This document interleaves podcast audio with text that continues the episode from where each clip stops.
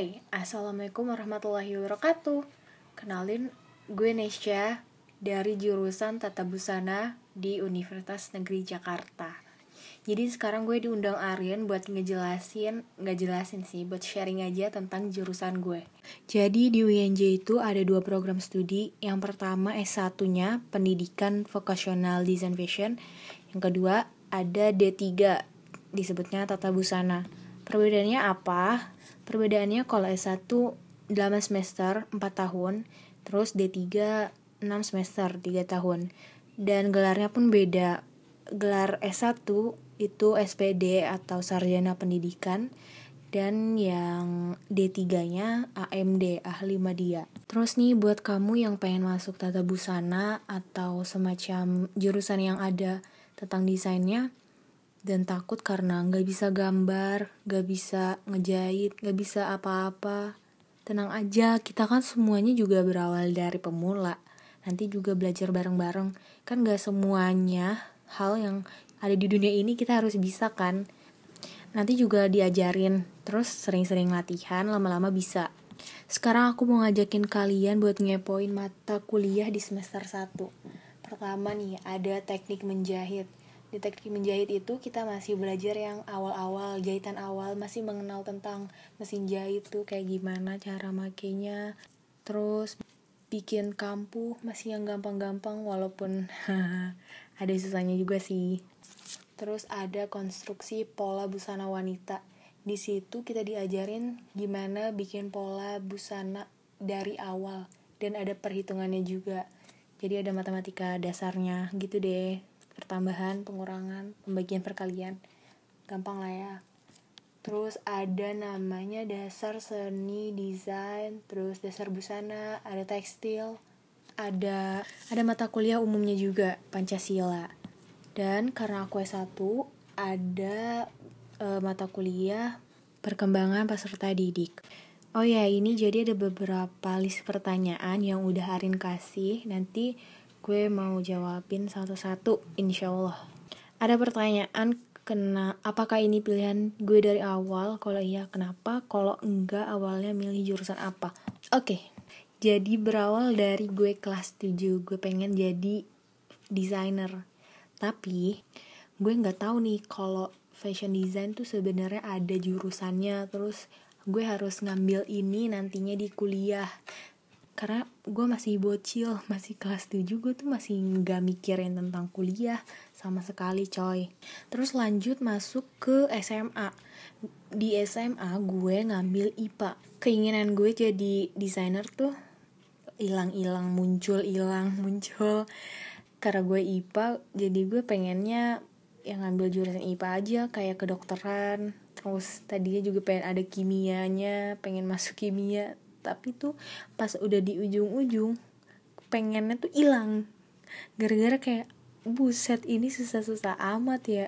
Kayak gak nyambung gitu lama-lama sama pelajaran IPA di SNM akhirnya gue mantepin buat milih tata busana. Walaupun gue dari IPA gue ngambil ke jalur IPS ya pasti nggak bakal lolos sih.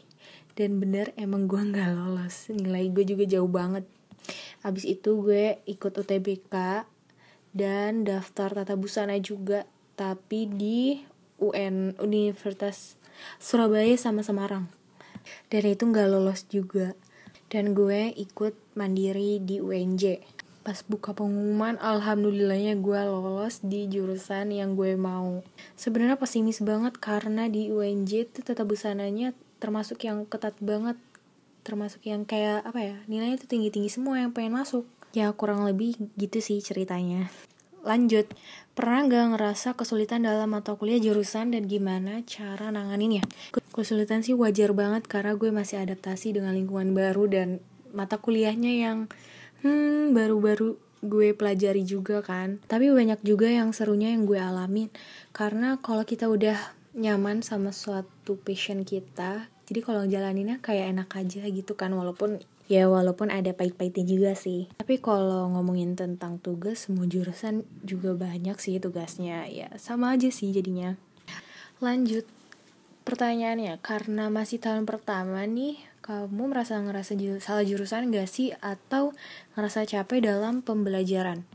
Alhamdulillahnya ngerasa salah jurusan enggak karena ini yang udah gue perjuangin dari SNM bayangin SNM gagal SBM gagal akhirnya alhamdulillah mandiri gue lolos. Jadi gue bersyukur banget bisa ada di jurusan ini karena ini yang gue mau dan ya nikmatin aja prosesnya. Lanjut. Jurusan kamu kan tata busana. Nah teman-teman kamu tuh termasuk yang fashionable gitu nggak sih?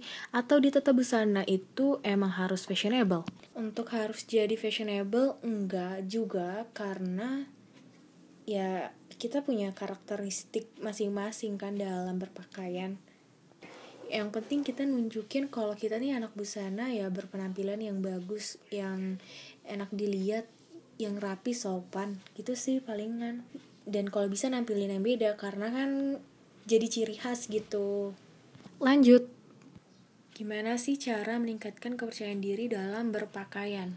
Kalau sekalian sering dengar kata-kata pakailah pakaian yang buat kalian nyaman. Menurut aku itu benar banget karena kalau kita pakai sesuatu nih dan kita nyaman nanti aura kepercayaan diri kita tuh kayak keluar gitu loh. Dan hindari pakaian yang bikin kalian risih. Terus coba deh kalian cari seseorang atau orang-orang yang kalian suka terus kalian jadi ini inspirasi dalam berpakaian kalian. Mungkin kalau kalian suka kalian cocok ya lakuin aja. Yang terakhir, pesan buat pejuang PTN tahun ini dan yakini mereka kalau tata busana juga prospeknya baik ke depannya. Oke, okay. meskipun jurusan tata busana bukan yang favorit atau banyak diminati oleh orang, uh, menurut gue prospek ke depannya pun tetap akan bagus karena peluang kerja di bidang tata busana itu juga banyak dan berbagai macam jadi nggak ada yang perlu ditakutin. Insya Allah semuanya ada jalan yang masing-masing kok. Dan semangat buat para pejuang PTN tahun ini, buat temen-temen yang lagi dengerin, buat temen-temen gue yang udah nanti selama setahun ini. Semoga uh, yang kalian inginkan, yang kalian doain terkabul dan tetap terus uh, positive thinking dengan rencana Allah ke depannya gimana. Ya, semangat semuanya. Oke, okay, oke, okay, oke, okay, oke. Okay. Mungkin ini aja podcast yang bisa gue sampein. Semoga bermanfaat. Yang baik-baik diambil, yang buruk dibuang jauh-jauh. Thank you guys.